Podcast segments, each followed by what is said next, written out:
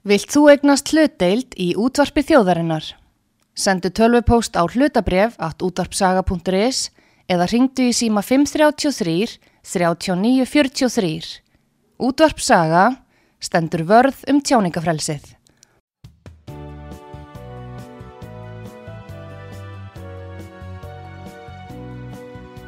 Sýteðis útvarpið á útvarpisögu í umsjón Arnþróðar Karlsdóttur.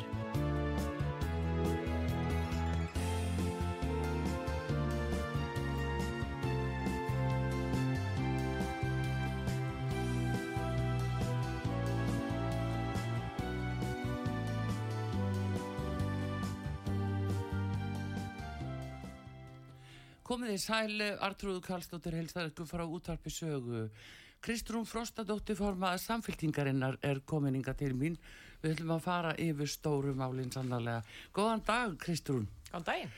Heyrðu, stóru málinn segi ég, það er náttúrulega byrjum á kvalviði málunu. Já. Það hefur verið uh, mikið í fréttum og kannski mm -hmm. stóra máli í fréttunum. Mm. Uh, hvernig eru þau, er þú og samfélkingin, hvernig eru þið stemt fyrir þessu máli og hver, hverja svona málalíktir eru núna? Það er búið að gefa út reglugerð og, og herða aðeins skilirinn fyrir veiðum Já. en áframhaldandi veiðar einhver síður Já, og það uh, stendur til áramóta. já. E, ég, ég er nú kannski ósatt við að þetta sé stóra málið þessa dagana. Mm E, það er kannski eh, svona aðalmálið sem ég hef um þetta að segja. E, ég held að þetta sé ekki inn á eldursporðið flestar Íslendinga þessa dagana.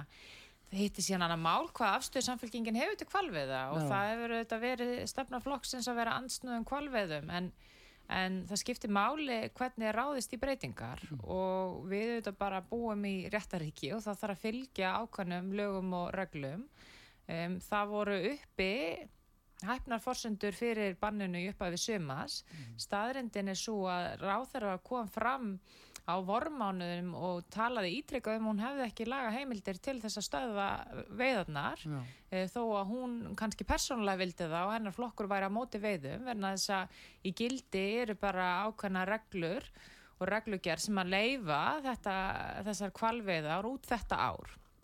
Og hún taldi sig ekki að fórsendu til að grípa þarna inn í virðist hafa skipt um skoðun í byrjun sömars um, þegar líður á sömarið uh, þá fær hún í rauninni tíma kannski til þess að reykstæði betur þessa ákvörðun og taka þá í kjálfærið ákvörðun um hvort að ég framleikja það. Og ég get ekki betur séð en að niðurstaðan hennar hafi verið að þetta hafi ekki verið rétt ákvörðun í byrjun sömars að banna veðarnar um, og þess vegna sé hún í rauninni einfaldlega að bakka með það ákvörðun með því að leifa veðarnar að nýju. Þannig að ég horfi ekki á þetta sem svo að það sé verið að leifa kvalveðar upp á nýtt. Heldur að hún sé bara að taka skref tilbaka og segja það var illa þessu staði í byrjun sumars, ég hafði ekki fórsendu til þess og það er bara mitt mat uh, og, og það hefur verið mín skoðun í þessu máli, þetta er, þetta er tilfinningaríkt mál og, og það hefur verið skipta skoðunir á því, en það er mitt mat að það skiptir máli fyrir flokkans og samfélkinguna eh, að flokk viti að við virðum ákveðin and- aðdraganda, við virðum lög og við virðum atvinnufrelsi fólks.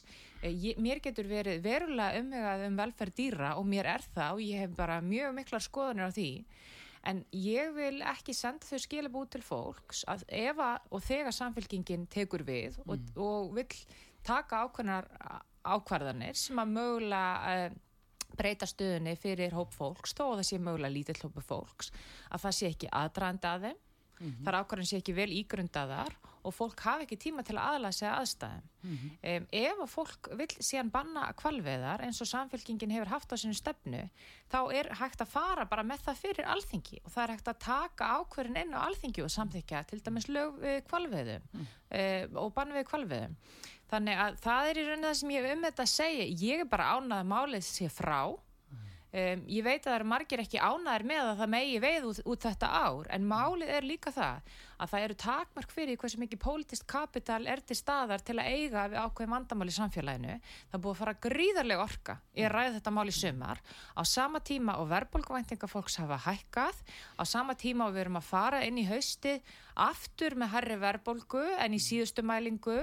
Á sama tíma og við erum að sjá ennaðra stýrivaksta hækkunna og ég vil bara sjá að fókus sé núna á efnaðsmálunum og velferðarmálunum síðan fer þetta mál, kvalvið er bara mín vegna fyrir þingi núna í haust og það er þetta að taka pólitíska ákvörðun um hvað úr því verður. Já, bara, þannig að það er að forræði þingsins auðvitað að gera það en viltu meina þá að hún hafi bara verið að svona eiginlega að geta ofan í sig hún hafi gert mistök í einhverju fljótræði þannig sem Ég get ekki sé betur en að það sé það sem hún er að segja. Ég hef engar aðra fórsendur en að treysta orðum ráð þeirra þegar hún mætir í viðtal og segir að sko þrátt fyrir hennar viltustu drauma og hvað hún vilji gera persónlega og pólitískum fórsöndum og, og, og út frá velferð dýra að þá telli hún ekki hafa, sig hafa lagaheimil til að framlengja bannið. Þá hef ég ekki aðra fórsöndur en það en að trúa því að fyrst að Svandi Svavastóttir mm. e, e, tekur þessa ákvörðun um að leifa veðnar áfram að það sé ekki hægt að banna þær nema þá með aðkomið þingsins og það er þá lengra ferli og, og ég bara virði þá ákverðun þannig að fyrir mér snýst þetta ekki um hvort að maður er með á móti snýst, það snýst um hvernig hlutinir eru gerðir. Og, og undir minni fórustu þá fyrst mér skipta mála fólki að núti viti að við virðum ákveðna verkverðla og lög Mm. og við munum gefa fólki aðdraðanda að ákveðnum breytingum. Það bara skiptir verulega miklu máli Heyrðu, en uh, stórumálin uh, á bakvið þetta allt saman að það er eins og nefnir efnaðasmálin uh, hækkun og vöxtum verðbólgan fyrir upp aftur núna Já. Hvað segir Kristrún Frostadóttir forma samfélkingarinn við því hvað á að gera nú er uh, fjármálaráð þeirra búin að tilkynna niðurskurðatillögur mm um hvað 17 miljardar draga saman hjá ríkinu og annað uh, hvernig, uh, hvernig er þú að sjá þetta? Hvað vilt þú gera? Sko, ég hefði viljað sjá starri pólitískri skref stíinin í haustið. Um, hér er verið að eiga við efsta stjórnsýslulægið Mm. og auka aðhald þar og fórsendunar á bakvið þessum, þessum úrræðum sem sko, lítill lítill hluti af þeim úrræðum sem voru kynntar hann í síðustu viku eru ný úrræði. Mér, mér langar að kannski að byrja að segja það. Þetta er í fjóruða skipti sem er verið að kynna ákveðin úrræði.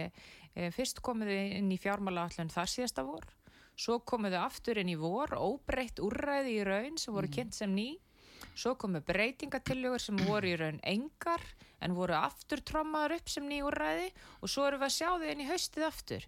Þetta er í rauninni bara partur af langtíma stefnum móti stjórnvalda þessi úrræði sem hafa verið í gangi og hinga til hafa þau ekki verið nóg til þess að halda aftur að verbulguvæntingum fólks. Og ég velti því alvarlega fyrir mér uh, hvort að ríkistjóðum telli að, að sko, það sé rétt skilabóðin í hausti að koma með gömul úrræði, trámað upp sem ný og það muni breyta einhverjum í augum fólks. En það eru þarna verðast einhver ný úrræði. Uh, þetta eru ekki háar uppæðir mitt sem snúað hagræðingu og mín skilabóð er svo auðvitað eiga þeir sem stjórn alltaf að leita leiða til þess að hagraði í rekstri og reka ríki með góðum hætti. Ég menn það er bara eilíðar verkefni en það er ekki pólitísk ákvörðun um, hvað ég segja, að dreifa byrðunum sem felst í því. Og við höfum talað fyrir mjög markvissum en bara há pólitískum aðgerðum uh, allt síðasta ár fyrir jól og fyrir samþjótt fjárlega í fyrra þá kynntum við kjarapakka þar sem að við vildum að ríkistjórnin fari í markvissar aðgerðir um, í vakstabótakerfinu barnabótakerfinu, húsnæðisbótakerfinu en á móti vildum við fá fjármögnun á móti. Þar að segja að, að við, það er þið áttu við fjármæstekjuskattin eh, bankaskatturinn er þið klórar tilbaka að minnstakosti að, að hluta. Um, og það er þið skoðað uh, ála á stórútgerðina vegna þess að leikil atriði í öllum svona kjarapökkum eða úrræðum sem eru kynntar fyrir fólki í landur þessa dagana er að þau séu fjármögnu þannig að þau séu ekki verðbólguvaldandi. Um, við kynntum verkefnalist í vor þar sem við tölum fyrir leigubremsu vakstabóta auka allt þetta töldum við var hægt að fjármagna með því að loka svo kallega EHF-gati sem er sem sagt eh, leið fyrir fólk til að telja launatekjur fram sem fjármæstekjur og komast undan skatti. Það hefur ekki staðið á okkur að koma með tillögur og lausnir. Ég ætla ekki að halda því fram að svona afmarkaðar kjarabakkar muni leysa það hvernig Íslandi reki hér til frambúðar. Til þess þarf nýja ríkistjórn sem að þú tekur bara stórtækari ákvarðanir í skatta og velferðamálum. En þetta verið okkar innlegun í umræðina til þess að veita fólki hvað ég segja, von og útskýra hluta til að það er hægt að gera eitthvað á tímum sem þessum en það hefur ekki verið pólitísku vilji til að stiga þessi skref. En núna eins og verðbólka, nú sagði ymmið þjálfmálar á þeirra, það, það væri ekki ríkistjórnarinn að, að uh, passa upp á verðbólkuna í þeim skilningi, það væri sælabankans. Já, þetta finnst mér reyndar bara Ertu sammálað þessu? alls ekki. Ég er alls ekki sammálað þessu og ég held að þú finnir varla hagfræðing þarna úti sem að getur verið sammálað þessu um, og ég held að þú, þú þarft ekki að vera hagfræðingur og þekka eh, hérna, þau fræði til þess að vita að þetta er ekki eðlileg framsetning á málum um, efnaðslífið er að að mörgu leiti stýrt bæði út frá fjármálegu hliðinni sem snýra ofinbæri fjármálum og síðan peningamálu hliðinni sem er Sæðlabankin. Mm. Sæðlabankin er rekin og starfar hérna í, í svona, hvað ég segja, ópólitísku umhverfi og á að gera það. Það eru ekki líðræðislega kjörnir aðalar þar, heldur embættismenn sem eru ráðnir, starfa eftir lögum um Sæðlabanka sem vissulega snúað verðstöðuleika en Sæðlabankin bregst við ástandinu e, og ef að ríki gerir minna þá þarf Sæðlabankin að gera meira. Þannig ef að ríkið er ekki nógu aðhaldsamt á ákveðnu sviðum eða fer ekki í réttar kjara tillögur til þess að dempa launaþrýstingin í hagkerfinu og fjármagnar þær tillögur til að mynda, tekur ekki skynsum skref sem að þarf að, að, að hérna, í rauninu vera með pólitíska ákvarðantöku í, þá þarf Sæðlabankin að stíga fastar inn og það liggur alveg fyrir að, að, að þegar það koma stýrivakstahækkanir trekk í trekk í trekk og það er byggja meðal annars á því að við sjáum nýjar tölur um að verðbólkuvæntingar hafa hækkað sem á mannamáli þýðir ekkit annað en að almenningur trúur því ekki að við munum ná verðbólkunni niður. Þá stendur það á ríkistjórnina að sína að hún hafi tækjutól sem eru miklu, miklu, miklu markvissari en Sæðalbankin hefur til þess að reyna að dempa verðbólkuna. En núna eh, það sem þú talar um að hefði þurft að gera eins og hækkunu uh, barnabóta og, og fleira uh, í velferðarmálunum, þetta Já. eru allt fjár frek uh, aðgerðir og þá er spurningin hvar á að taka peningana. Bjarni er þó að bóða nýðuskurð hjá ríkinu og hann er að, sko það verið að búa uh, ríkistofnanir undir það að það verði fækkun starfsóls þetta á að vera samdrátturinn. En hvar eh, viljið þið taka þessa peninga segiru hækkun fjármastekjuskats uh, talar um Við höfum talað fyrir því að í þessum aðgerðum núna, svona afmörkuðu aðgerðum, nú erum við ekki að tala um skattabreitingar til að fjármagna allt velferðarkerfi til lengri tíma. Mm -hmm. Það er bara að risa umræða og, og, og um það á í rauninni, eiga rauninni, e, pólitískar umræði finnst mér að snúast, hvernig við fjármagnum velferðarkerfi okkar. En nú erum við að tala um afmarkar tillögur. Og við höfum til dæmis tala fyrir því að við færum fjármæstekjuskattin úr 25% upp í 25%, það hefur verið lagt mat á þetta um, uh, Jón Páll Jónsson sem að satt þá í, efnas og viðskiptanemnd fyrir okkar hönd uh, baði sérstaklega um að fjármárraðandi myndi kanna þetta, hvaða áhrif þetta myndi hafa. Og það er talað að þetta geti skilað á bylunu svona kannski 5, alltaf 10 miljardum en að minnst okkur 5 miljardum getum við fullirt og líka vegna þess að það hafi verið gerðar ákveðna breytingar á fjármastekjuskattinum, það hafi verið sett ákveð frítekjumark og þess að þar, að þá síndu þessir útrekningar frá fjármáranendur fram á að þessi hækkun myndi aðeins bytna á tekjuhæsta 10% í landinu. Þannig að við erum að tala um uh, þarna 5 miljardar sem er ekki að snerta 90% af, af einstaklingum í landinu.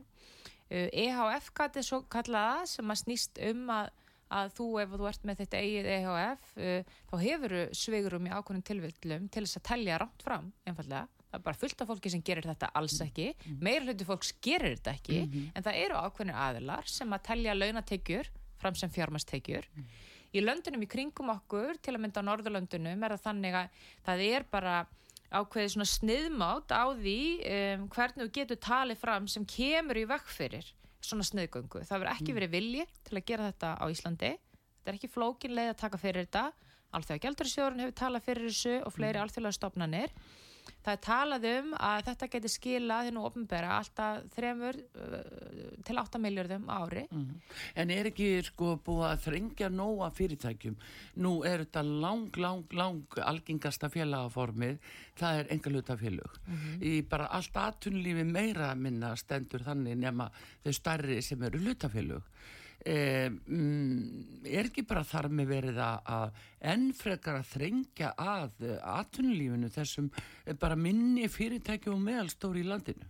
Ég sko í rauninni er, er, er þetta engin skattabreiting. Það er bara verið að tryggja sér farið að skattalögum sem er það að ef þú borgar þér laun þá átt að borga launa skatt af því. Já. Þannig að við erum ekki, þetta snýst ekki um að leggja auka skatt á fólk, heldur að koma í veg fyrir að fólk sé að telja eitthvað fram sem fjármastekjur og borga lægri skatt að því nætla. Ef þetta eru hreinar fjármastekjur, þá En borgar þau bara fyr- fjármastekjur þetta er náttúrulega fyrirtækin sko. Já, en, en þetta í mörgum tilökum snýst þetta einstaklingum sem eru með verktakagreiðslur sjálfur inn í ákveðnum fyrirtækjum. þetta, þetta er, er svona algengasta formið af þessu. Þannig að þetta snýst ekki um nýjar álugur, þetta snýst einfallega um að allir borgi bara launaskatt, það sem á að borga launaskatt. Um, við höfum líka talað um, um bankaskattin, ég meina við vorum að fá þessa skýslu frá viðskiptaráð þeirra Já, sem að einmitt. síndi fram á það að, að bankaskatturinn hafði ekki runnið til neytenda. Mm.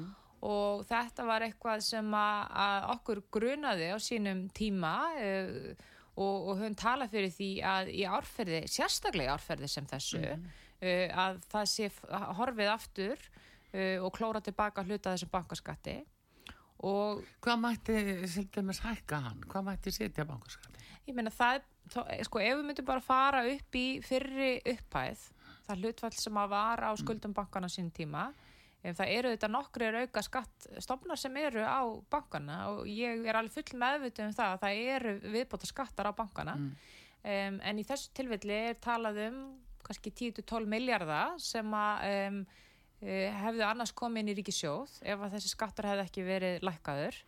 Um, og það er síðan alveg hægt að takast á um hvort að það er þið hækkað upp í topp aftur eða ekki.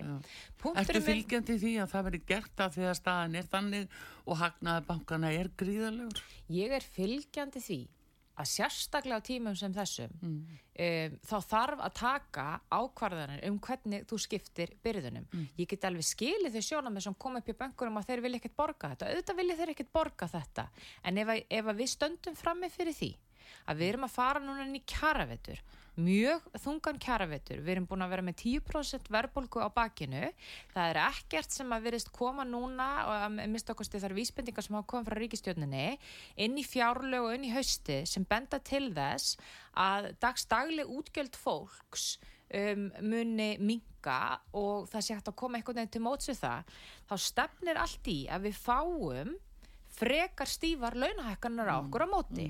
og við vitum alveg hvernig það spil fer af stað. Að ef að launahækkanarnir fara af stað þá getum við sé aðra hækkanir í kjálfarið og ég hef fullan skilning á því að verkalisreifingin sé, sé að vinna fyrir sitt fólk og vinnandi fólk og sé að tryggja það að ef að það er ekki búið að bæta stöðu á húsnæðismarkaði, það er ekki búið að bæta stöðu leyenda, það er ekki búin að tryggja fólki með börn uh, greiðslur til þess að halda, halda hérna, þeim á floti, að þá þarf að fara bara í launin. En ef við viljum koma í vekk fyrir of miklar hækkanir, þá þarf afmarkar aðgerðir og þá þarf eitthvað annað að gefa sig. Og þá þarf að færa hluta af fjármagni þar sem það er nóg af því yfir í svona aðgerðir. Og þetta er það sem ég er að tala því ég segi Artrúður pólitískar ákvarðanir. Einmitt. það ætla að hagraði efsta læn í stjórnsýslunni þó ég geri alls ekki lítið úr því að sé ráðast í uppsagnar þess að það en þetta er ekki stór pólitísk ákvarðan En þá er einmitt, einmitt þetta að uh, þetta er spurningum aðferðafræði því að þegar þú talar um kjærasamninga núna og eðlilega vil fólk uh, að enda nái saman, það er bara lámas krafa til þess að geta Já. átt mannsamandi líf. Já. Það er bara eðlilegt. En þá á sama tíma er einmitt öllum ætlað að þóla verðhækkanir á til dæmis neysluvörum, maturverðar að rjúku Já. það er, uh, jú, bensinni lakkar ekki einu sinni uh, síðan er það húsnæðismálin húsalegan bara hækkar og hækkar. Uh, og það eru vakstahækkanir fólk er gert svo erfitt fyrir það verður að fá eh, eitthvað á móti. Já.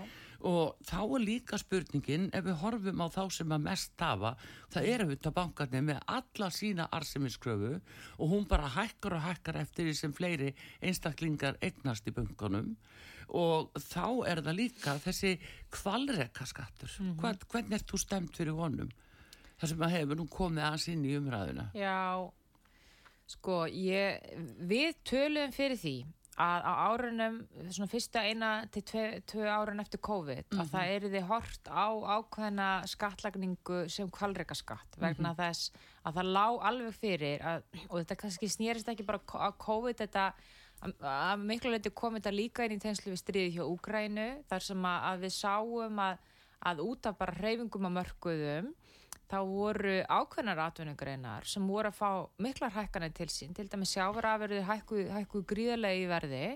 Um, orkuverð hækkaða náttúrulega líka en það er svolítið öðru í sig farið hér á Íslandi en þess að þetta er náttúrulega að miklu leiti í eigu ríkisins í gegnum landsvirkjun en, en þar fekk þjóðin svona sinn skerf og, og, og þar voru forsendur fyrir því. Þannig að við vorum með ákveðnar atvinnugreinar sem að í rauninni bara beinleginist högnuðust á ástandinu. Um, og, og það er í rauninni ekkert um það að segja það bara eins og virðist keðunar þróust erlendis. En á sama tíma varstu með almenning sem tók þetta algjörlega í fangi þar að segja hráöfniskostnaðinn og, og, og sem, að, sem að fór í, í erlenda og innflutta matvöru og öll þessi innflutta verðbólka og okkar punktur þá því uppaf við strísins var þá að segja herðu þú ert með, hérna með einstaklinga og fyrirtæki í hagkerfinu Uh, sem eru bókstarlega að hagnast á ástandinu, hagnast á miklum vakstarleikunum sem voru þá sem að knúðu upp fjármaksmarkaði og svo ertu bara með venjulegt fólk sem er að taka þetta í fangið. Þetta eru svolítið svona ekstrem öfga aðstæður og á tímum sem þessum þá má sannarlega kalla það sem er að gerast hérna uh, hérna með það sem allt er að hækka það má, má kalla það kvalrega að hluta til. Og það er ekkert óæðilegt við að sé fyrir sértækar aðgerið fyrir almenning sem er að fá þetta í fangi og þetta sé flutt á milli. Þess að ef að sjávarauðlindin væri raunverulega e, í eigu okkar við værum að fá alla umfram arsemi þá hefði sá peningur bara farið til ríkisjóðus og þannig til fólksins og gæti þá niðurgreitt pressuna. Og þýlitinu til er gott að við séum í þessu alþjóðlega kerfi að við bæði græðum og töpum. Vandin er bara þegar að gróðin er á afmörkuðum stað en tapið dreifist, dreifist mjög víða. Já. við erum hins vegar komin svolítið út úr þessu öfga ástandi sem var þá og talað um kvalreika nú ætlum ég ekki að gera lítið úr arseminni hjá böngunum, Nei. skilur en það sem að mér hefur þótt aðtöfvert kannski við málflutning viðskiptaráðar í þessu tilviki er að samfélkingin til dæmis lagði fram á þessum forsendum tillögur um kvalreikaskatt og þeim var ítrekkað hafnað Já, já. nú erum við komin eiginlega svolítið út úr því ástandi. Um, og, og, og þá leipur hún til og vil tala um kvalreika skatt þráttur hún vita hún hafa engan stuðning fyrir því e, í staðin fyrir þá bara að ganga hreintil verka strax í haust þegar við leggjum fram breytingatilli um hækkun bankaskatts og bara samþykja bankaskattshækkun af hverju þarf að kalla þetta eitthvað annað Akkúrat. kvalreika skatt Já, já. núna um, ég er ekki vissum að það sé hægt að kannski líka aðstæðum núna við eins og það voru fyrir tveimur árum og þannig er ég bara að vera heiðarleg Já, sem já. En, en í á, aðstæðan sem þessum þá þarf eitthvað að gefa eftir. Það get ekki allir sótt fram. Það get ekki allir hagnast og fengi bætur Nei, en það er aðlega sko hverjir er að líða mest fyrir það? Og það eru þetta þeir sem minnst hafa handa í milli. Já. fólk jafnir sem kemst ekki eigi húsnæði þar og leigumarkaði og, og verður bara að sætta sig við hvað eða verð sem settur upp. Það eru bankarnir auðvitað. Þeir hafa eh, sko líf fólks í höndu sér hvað þetta varðar, fjármálalífi þeir eh, stýra því hvort að bæði einstaklingar og fyrirtæki og heimili fái fyrirgreyslu, þeir stýra því og, og þetta stendur allt og fellur með þeim þannig að Já. það er eðlilegt að þeir í verki sýnir það ekki að þeir verða að mæta þessu með einhverju móti Já, já, en málið er bara að ef að maður er alveg hreinskilin með það mm. svo ég gaggrinn aftur orðið vistaraðara að hún er að tala um einhvers konar tilmæli til bankana Mhm. Sko það að er ekkert Já, ég meina það er ekkert annað hægt að gera í svona fákeppnisumhverfi eins og er núna á viðskiptabankamarkaði en að segja þá uh, við læ- lækkuðum bankaskattana okkur á sínum tíma um, forsenda fyrir því var að þetta myndi renna til neytenda. Nú verður sínt fram á að þetta verður ekki runnið til neytenda. Um, við höfum sendt ykkur tilmæli um að vera sangjötni í vakstamun og vakstamunurinn hefur ekki verið haldist lári eins og hann, hann, hann datt niður á sínum tíma þá verður bankaskattarinn hækkar orð eru ódýr, það er bara það sem ég er að segja Já. að ef að viðskiptar á þeirra vil fylgja eftir þessum skoðurum sínum þá Mhm. fyrir ykkur einföld leið til þess að gera það og það er bara að samþekja hækkun bankaskatts Og þú ert sammála, sammála viðskiptar á þeirra með þetta atrið að það eigi að hækka þessar álögur á bankana. Ég hef verið á þeirri skoðun Mm. að það sé eðlilegt, sérstaklega í svona árferði, að það verði þessi tilfæsla uh, til þess að tryggja að þessi arsemi sem er að koma til eftir álögun voru lekkaðar mm nýtist til þess að fjármagna uh, bætur og, og aðra tilfæslur til einstaklinga sem að standa illa akkurat núna. Þetta er ekki bara réttlætismál, þetta snýst ekki bara um hvað er sangjan, þetta er líka efnaðslega skinsamt vegna þess að við erum að fara inn í vetur sem getur leitt af sér talsverðan launa þrýsting sem að, að getur í rauninni sko uh, oltið aftur yfir í verðbólkuna við missum tökum á því og ef að ríki til þess að vera að spara til núna ákveðnum kostnaði til þess eins að þurfa sjálf, sjálft að greiða út tærri laun sko eftir Já, ár já, já. þá er það mjög mikið skamtíma hugsun þannig að við höfum sagt takið pólitískar ákvarðanir um að fara í ákveðna skattlagningu og full fjármagnað kjarapakka sem snýr að sértökum aðgerðum í vakstabótum, húsalegubótum Uh, við höfum talað fyrir vakstabóta auka sem að geti greitt 250-300 þúsund til einstaklinga núna til þess að koma í vekk fyrir hérna, veruleg vandræði. Við höfum verið ábyrg og lagt fram ákveðna tilugur þarna móti. Ég er full meðvituð um það að ríkisjóður getur ekki eitt endalaust almennt, hvað þá við svona aðstæður, en það þarf þá að taka einhverjar ákvarðanir hvað það varðar og sína á spilin og það hefur ekki en ennþá sko komið. staðan er nefnilega núna þannig Kristrún eh, allavegna í alltaf mörgum tilvíku sem við vitum um að það, nú eru bara bankarnir lokaðir. Þetta er sama ástand og skapaðist eh, 2011 og 2012 þar sem að bara á einni nóttu bankarnir lokuðu gjössala og fyrirgreislu til eh, lítill á meðstóra fyrirtækja og einstaklinga og fjölskyldna. Það voru hvað 10-12 þúsund heimili sem að, að fuga og nöðungasölu bara uh, á, á stuttum tíma af því að það var ekki gripið til ástafana og bankarnir, st- þeir stjórnuðu því öllu. Þannig að erum við að fara að sjá að þetta sé að fara að endur taka sig. Ég vona ekki. Ég held að undirleikjandi aðstæður séu öðruvísi en þær voru þá. Ég er ekki núna að gera lítið úr fjárháslega merfilegum fólks.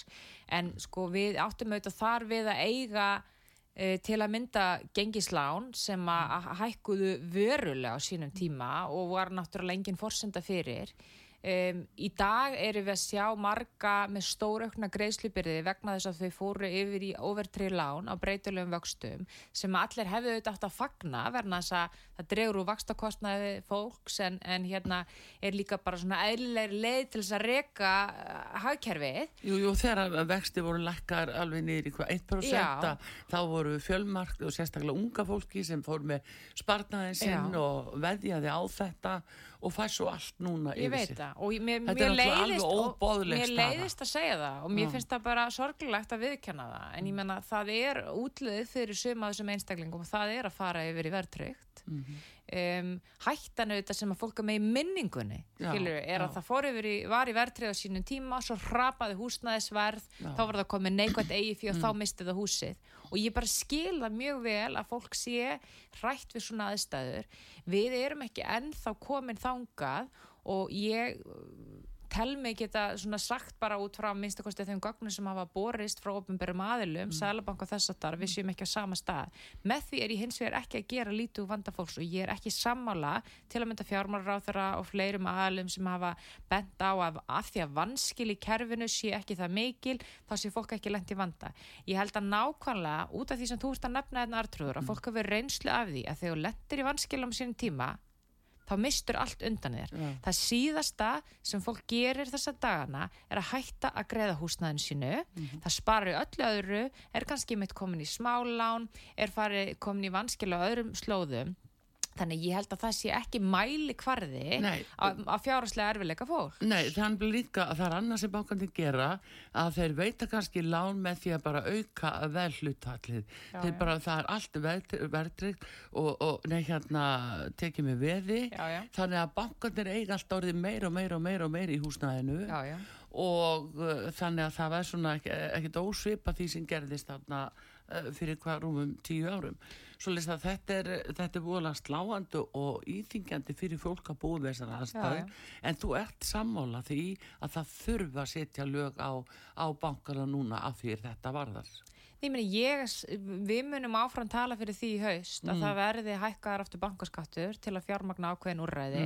Mér finnst þess að líka skipta máli að við tölum um grunninn sem er að valda þessu ástandi vegna þess að leiðin út úr uh, fjárasvandraðin fólks til frambúðar er ekki svo að gera fólki kleift að taka alltaf herra og herra og meira og meira og meira í lán. Um, þannig fæðum við bara sko, húsnæðismarkaðin og skuldsetningu fólks endalaust. Bara ve veikjum stöðu fólks. Já, það er það sem að gerist, Já. það hefur oft verið svona tendensin í umræðin að segja akkur leipum við ekki bara fólki hraðir gegnum greiðslumát að það fái uh, tækifæri til að skuldsetja sig ennþá meira á þess að dagar? Og ég get, ég get alveg skilið afstöðu fólk sem að það vilji og þú vill komast inn, en við eigum og að minnstakosti ef ég horfa mitt hlutverk sem stjórnmálamæður, við eigum að reyna að vera því stendur að fólk þarf að skuldsetja sig svona ábærslega mikið til að byrja með til að komast inn á markaðin Já, já. um, að, og yfir höfuð að fólk þurfi að kaupa rándýra egg til þess að vera í húsnæðisöryggi að, að fólk get ekki lifa við þær aðstæður eins og til dæmis á Norrlöndunum í kringum okkur, það sem er starri félagslegur legumarkaður það er líka legumarkaður sem er í bara meiri ofinberi stýringu og, og sem felur einfalda í sér að fólk getur trist í að það missir ekki húsnæði sitt um, og þarf ekki að taka á sig miklar fjárháslega skuldbendingar til þess að kaupa sér húsnæðis öryggi um, við þurfum að byggja meira og vera með meiri yfirsýn. Við erum búin að sjá sömu glærukynninguna koma frá innveðaráþara núna. Allt þetta kjörtjambil nokkur sinnum á ári koma sömu áallanir og bara síðast núna fyrir nokkrum dögum á húsnæðistingi þá er aftur við að tilkynna stór eh, hérna, uppbygging á 4000 íbúum á ári og sama tíma er það sem svona hliðarnóta já, undanfærin tvö ára reynda bara búið að byggja um helminga því Já, en, en Kristrún, þetta voru allt leiguhúsnæði. Það er ekki gert ráð fyrir að verið að selja það. Þetta er leiguhúsnæði, þetta er fyrir leigumarkaðin. Þannig að það eitt og sér er nú óútrækt mál, miskusti ég og þessari útastöð. En uh, þegar þú talar um þetta, að þá hérna Kristrún, uh, þá blasir það svo við að um, húsnæðismálin, þetta er bara... Uh, þetta er bara lífæð fólks Já. Og er eitthvað því til fyrirstöðu að hafa fasta vexti bara á íbúðalánum og þess vegna fyrir þá sem er að kaupa í fyrsta skipti eitthvað álíka? Án þess að það sé bundi við einhver bæjarfjölug eða sveitafjölug eða ákveðna staði heldur bara út að kaupa íbúð í fyrsta skipti þá ertu alltaf með fasta vexti á því er það eitthvað því til fyrirstöðu? Það- að gera eitthvað slíkt Ég meina, auðvitað er ekkert því til fyrirstuð, þetta er allt í okkar höndum, það er bara ef að það á að fara þá leið, að vera með einhvers konar öðruvísi vakstastegin er á almennu markaði, þá þarf bara að vera ykkur ofinbyr aðili sem sér um það, skilur. Þá þurftur að vera með eitthvað eins og, hérna, ég meina, íbúðaláðsjónu var nú stopnar á sínum tíma Jú, jú. til þess að auka aðgengi fólks á við eigum húsnæðislánum. ennþá landsbankan Já, ég meina, sko, það er fólk talar oft illa um íbólansjóð í því samingi að, hérna, um, og það er svona eh, eitthvað trikk sem að, að, að íhaldi nota stundu þegar verið að tala um ofinbæri yngripp á húsnarsmarkanum, við höfum nú séð hvernig íbólansjóð fór, það var einfallega verið að það var að byrja að nota hann í eitthvað allt annað en átti. Já. þegar verkamannabústaði kerfi var lagt niður á sínum tíma Já. í kringum aldamótin, þá var hugmyndin svo að íbólansjóður átt að koma inn og veita 90% lán til einstaklinga sem þurftu raunverulega á því að halda, ekki allir í þjóðinni. Um, og síðan byrjar íbólansjóður að fara í samkeppni við bankan og þá allt í henni fá allir 90% lán. Þannig að það þarf bara að tryggja og, og við höfum nú held ég rætt þetta Artrúð, það þarf bara að tryggja ef þú ert með einhvers konar stopnun sem er að veita fjármagn á öðrum kjörum en á samkeppnismarkaði Já. sem er nú kannski ekki mikill samkeppnismarkað að þá þarf bara að tryggja að rammin sé skýr er að þetta er ekki fyrir alla óhað tekjum, óhað uh, hvaða íbúðast að kaupa, á hvaða forsendum allt það, vegna þess að, að þá bara hleypur öllum inn á markaðin með rosa mikið fjár, ódýrt fjármagn og þá auðvitað bara proppast sko húsnæðsverðu upp. það þarf að tryggja frambóðið og það þarf að gera það með því að vera með stöðuleika í fjármögnun á því frambóði og þar Já. þarf ríki bara að koma inn. En það er ekki það, fyrirstöðu hvað með lífeyrissjóðuna, ég meina þeir eru ekki á hálfsprósent ávastunarkröfu ég held að það sé bara raki mál að fá þá er inn ekki bara akkurat þeir sem þurfa, er ekki komið að þeim núna? ég held að það sé raki mál að fá þá inn í að fjármagna frambóð og húsnaði, ekki spurning. Þetta segir góðu gestu hér Kristrún Frostadóttir,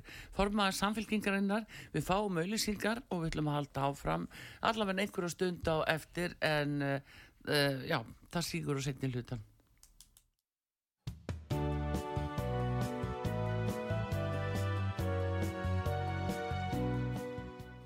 Komið þið sæl aftur, Kristrún Frostadóttir, eh, formaður samfélkingarinnar er gestu hér á útarpi sögu. Við höfum verið að tala um efnaðasmálinn, Kristrún og bankana og leiði til þess að rétta stöðuna. Eh, aðeins í sambandi við þessa tillögu sem að fjármálar á þeirra kom með eh, 17 miljardar í niðurskurð vil beina því að ríkinu en eh, það er einn útgjaldaliðu sem að hefur bara stakkar og stakkar. Það eru útlendingamálinn, ef svo má orða það. Og uh, nú liggur fyrir að það séu allavegna 20 miljardar sem það kostar fyrir okkur að taka móti öllu þeim fjölda sem ynga kemur. Og þannig að þessi e, sko niðurskurðar hugmynd fjármálar á það að dugur ekki einu fyrir því hvað segir því hjá samfélkingunni hvernig á að leysa það? Sko ég held að allir getur verið sammála um að það er óásættanlegt að við séum að eyða 15 miljardum í að afgreða umsóknir. Um, um, stundum finnst mér eins og þessu umræða snúast um að það að fá fólk yfir höfu til landsins kosti 15 miljardar. Það eru þetta ekki þannig. Við erum í Aróska efnaðsvæðinu sem þýðir að hér koma húsundi manna hverju einasta ári bara til að vinna á Íslandi með erlend ríkisfang og það er ekkert borgað undir neitt af þessu fólki. Það kemur bara inn og, og vinnur í kerfinu og eins og aðrir og fá réttindi í samræmi við, við hérna skildu sinna. Um, þessi kostnaður hefur þetta komið upp en þess að málsmeðferðartími er orðin alveg ótrúlegur og við erum með fólk uh, nokkuð þúsund manns núna sem búið, hafi verið að býða í marga, marga mánuði eftir að fá afgreðslu á sínu máli. Og á meðan það er verið að afgreða þessar umsóknir þá er ríkið skuldbundið til þess að fæða fólk og halda yfir því húsnæði um, og þetta er það sem er að skapa hann gríðalega kostnaði í kerfinu. Þannig að mér finnst að umræðan þurfi að vera, nú er ég ekki að forðast umræði yfir höfu um fjöldan, ég meina auðvitað þarf að ræða um umfang þess yfir höfuð af því það er munur auðvitað á, á viðtöku flotta fólks og einhverju sem kemur hérna bara á efnaðslegum forsöndum innan ES eh, vegna þess að, að fólk er kannski að koma kannski á öðrum forsöndum til Íslands, ef svo maður segja og þarf aðeins meiri aðstóð í, í byrjun. En, en vandin hefur náttúrulega verið sá að kerfið hefur ekki verið undir, bú, undir að búin að fá svona mikinn fjölda fólks til landsins. Einhver leiti ef maður er sangjall getur maður sagt að það hefði enginn séð það fyrir að við myndum fá úgrænistriðið það hefði, hefði, hefur enginn séð það fyrir að þetta ástand myndi skapast í Venezuela og við erum í þessum sérstöku aðstæðum að af því að Venezuela aðelar eru með ferðarfrelsi inn á Schengen og við erum í Schengen að þá getur fólk bara komið til Íslands mjög auðvildlega á meðan að það er fullt af löndum í heiminum þar sem að, að er mjög slæmt ástand en fólk bara einfallega kemst ekki til Íslands. Þannig að við stóðum einhvern veginn frammi fyrir því í undarförnum 2-3 árum að, að það koma þarna inn tveir mjög fjöl, fjölmennir hópar sem kannski fólk var ekki undirbúið. En partur af því er líka ákveði stjórnleysi myndi ég leiði mér að fullir það í dómsmálraðanöndinu þar sem að sjálfstæðarsflokkurinn hefur nú verið við völd undanferðin tíu ár. Eins mikið og hann tala nú um áreiði þessu málaflokki. Um, við höfum séð náttúrulega miklar og örar breytingar á dómsmálaráðurum um, fólk verðist ekki vera mjög lengi í hverju stöðu þarna. og, og sko rammin utanum móttöku fólks hefur bara ekki verið nógu góður og sterkur. Þannig að við erum að líða fyrir það núna að við höfum ekki haft bólmagn í að bregðast aðstæðum. Þannig að ég get alveg tekið undir það að það er ósættanlegt að við séum eða 15 miljardum í að láta fólk býða það er auðvitað óeðlilegt. Ertu með hugmyndur um það hvernig mætti hraða því með því að fjölga þá starfsmunn sem afgreiða eða ég held að það þessar myndi borga í öllum, öllum tilfellum að hraða uh, ákvörðunum í þessum málum. Mhm. Bæði snýst þetta, bæði út frá fjárhagslegu sjónameði að, að hérna, það sé ekki verið að eða fjármagni í húsnæði og, og ákveðnar greiðslur en líka vegna þess að þetta er líka uh, snýst bara um svona réttendamál þeirra sem sækir hér um að í þeim tilvikum þar sem að er á eðlulegum fórsendum verið að sækja um alþjóðlega vend og fólk á rétt á alþjóðlega vend að það bara hratt og örglega fái þá stöðu, komist hann á vinnamarkaði fara að vinna fyrir sér sjálft og borgi sér þannig inn í kerfi og sé ekki framfæri ríkisins. En líka þeir sem fá neitun að það sé ekki verið að halda þeim í von og óvon í langan tíma um að fá svar sem að kannski lág fyrir allan tíman þannig að þetta snýst líka bara um mannúðlega nálgun gagvart þeim einstaklingu sem hinga komum koma að ákvarðanir sér tekna hratt og öruglega og, og ég held að það myndi marg, marg borga sig að fjárfesta meira í innviðum í tengslum við móttöku, þetta móttökukerfi að styrkja útlendingastofnun og styrkja ramman í kringum þetta. Uh, vegna þess að það er ósættalegt að vera að eyða þessum peningum í að býða En þessi gaggrinni sem hefur komið frá sjálfstæðismönnum og fjármálraðara formanni sjálfstæðisflokksinn sjálfum á þetta er ekkit annað en gaggrinna á þá sjálfa. Eh, hann ber ábyrð á því sem formaður í þessari ríkistjórn að hafa skipað alla þessar dómsmálraðana sem hafa ekki styrt mótökukerfi og hafa vann fjármagna útlendingastofnun. Þannig að ég veit eða ekki alveg hvert hann er að fara í þessu sjónamið. Mörgulegt get ég bara tekið undir sem hann segir að þetta sé ekki nóg mér er kunnund um að, að þú ætlar og þið ætlir að tala fyrir helbriðismálum, leggja miklu áherslu þau. Anna mál sem gæti komið upp, það er uh, aðildin að Europasambandinu. Það er núna sko skoðanakönnum að samfélkingin er með mikla yfirburði í niðurstöðum þar og verðist vera mikil fylgisaukning við ykkar stefnu. Eh, hvað með aðild að Europasambandinu? Þetta er svona það sem menn ræðardáldi sín í milli Já. að þeir veit ekki alveg hvar þeir eru stödd núna með skosti, undir þinni fóristu. Já. Hvað segir þú hlustendum? Já, það má hluta til kannski bara að blanda þessum tveimur hlutum saman, heilbreyðismálunum og Evropasambanduna því hlutinu til að, að, að þegar ég tók við í samfélkingunni þá uh, var ég bara mjög heiðarlega með það að það væri framöndan mjög stórt verkefni. Uh, Þetta snerist ekki bara um að vinna næstu kostningar, þetta snerist um að stýra bara landinu í aðeins aðra átt og það tæki áratugu ef ekki meira og það er ekkit endilega þannig að ég ætli mér að vera sjálfu völd allan þann tíma en þetta snýst bara um að fá breytt stjórn að fara í landinu. Það þarf að gera í ákveðnum skrefum og það þarf að byrja á því að vinna sér einn tröst og trúveruleika hjá fólki. Þetta snýst ekki bara um tröst fólks skakvart samfélkingunni. Þetta er eitthvað sem ég upplýði því fór ringin í kringum landi á ferðum mínum að allstaðar segir fólk ég vil bara að fólk geri það sem það segist ætla að gera. Já. Og ég tók þetta til mín á þeim fórsundum að ég sagði því, ég fór í frambóð, hef sagt alla góðu síðan, ég vil að við gerum minna, færri hluti sem snerta sem flesta og samena fólk. Uh, Þar eru velferðarmálin í forgrunni, heilbyrðismálin kom upp á hverjum einasta stað sem ég heimsótti, efnaðsmálin, húsnæðismálin, þetta eru risastóri málflokkar og ef við komumst áfram einhver skref í þessum málflokkum, hefur við nú þegar komist meira en þessi ríkistjórn og, og stjórnafar undanfars áratögs en þetta er líka mikilvægt fyrir trúfólks á flokki eins og samfélkingunni og trúfólks á stjórnmálum almennt að við getum sýnt að við segjum ekki bara hvað sem er til að fá kostningu mögulega til að vera vinsæl í skamtíma en get ekki skilað í okkur. Og ég er bara reynskilið með það og fólk má alveg vera ósamála mér í því.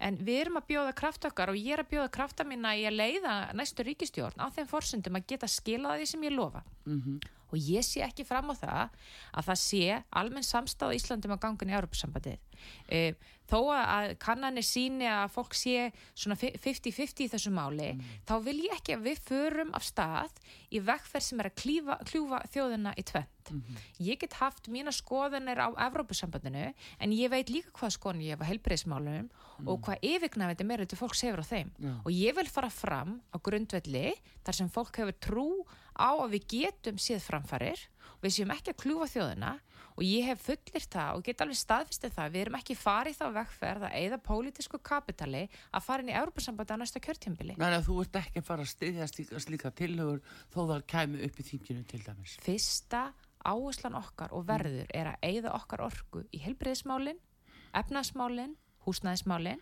mér finnst ekkert óeðlegt við að taka umræðum Evropasambandinu og ég hræðist það ekkert Nei. en þessi grunnur líka sem við erum að fá í fylgi byggist á því að, að mínu viti er að við erum að ná saman að fólk um, um svona breið grundvallar mál og segja þú getur verið ósamála um kvalveðar, þú getur verið ósamála um e Evrópusambandi, þú getur líka verið ósamála um stjórnaskrána en þú ert sammála um að þú vilt stert ofinbært reiki heilbriðskerfi sem er í heilbriðu samskiptum við engarekstur uh, og passar upp á hagsmunni skjólstæðingsins. Fólk sem er fastan tengili í kerfinu fastan heimilislækni að starfsfólk geti eitt meiri tíma með sjúklungnum í staðin fyrir að vera skriffinsku. Veistu Artur það er svo mörg verkefni sem þetta taka þarna. Já, já. og þess vegna verður mitt forgangsmál farandi inn í haustið í þinginu að leggja fram þingmál sem að tengist heilbriðismálum við verðum með það sem við eh, erum að kalla svona í vinnunni útspil í byrjun oktober það Já. sem við ætlum bara að leggja spilunaborðið varðandi heilbriðismáli þetta er byggt á samtölum við hundruður manna almennings, sérfræðinga þar sem við erum að forgangsraða út frá fólki fyrst og, og reyna að, að sína að við getum bett pólitíkinni til þess að framfylgja vilja almennings.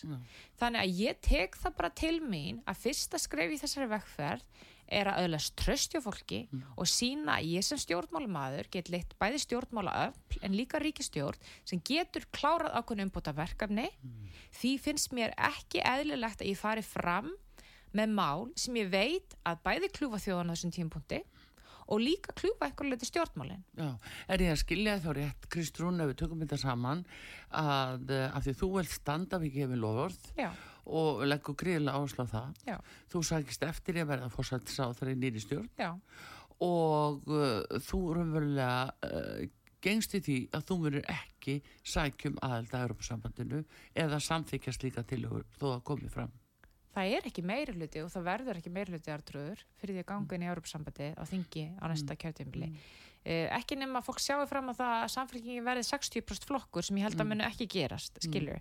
Ég ætla ekki að forðast í millitíðinu umræðum um Europasambandið, Nei. en ég ætla heldur ekki, og það væri mjög óheðalegt af mér, að blekja fólk í það að kjósa samfélkinguna og gera svo eitthvað allt annað meðan á næsta já. Það breytir ekki þeirri skoðun minni að ég hef, hef bara mikinn áhuga því að ræða um Europasambandi núna á næsta kjörtímbili, taka umræðum það, svo er þetta að taka stöðutjekk eftir fjögur, sex ár hvar þjóðin er þá, skilur ég ætla ekki sem, sem einstaklingur sem, a, sem að hefur talið Ísland betur borgin á Europasambandin utan þess, þá ætla ég ekki að afskrifa það sem framtíðar músík en það er ekki forgangsmálanasta kjörtímbili og ég væri að eiðilegja minn pólitíska feril. Ef ég væri að lofa einhverju og segist að leggja áslá eitthvað fá fólk til að kjósa mig á þeim forsundum og svíkja það og það er bara ein leið til þess að tryggja að þú verður farið ekki endur kjör.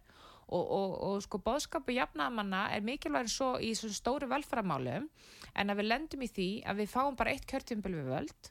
Þetta snýstum líka að tryggja endur kjör þannig að við getum klárað okkar mál Það er alveg það. Kristrún, uh, tímokjörn búinn en uh, gaman að fá þig og hérna við munum sannlega fylgjast með þér í þinginu og sjá hvernig þið gengum með þessi mál og, og standa við lóðurinn. En uh, bestu þakkir Kristrún Frostadóttir formaða samfélkingarinnar við þökkum henni kjalla fyrir komuna Artrúðu Kallstóttir þakkar ykkur, takk nema að Bræði Reynisson verið sæl.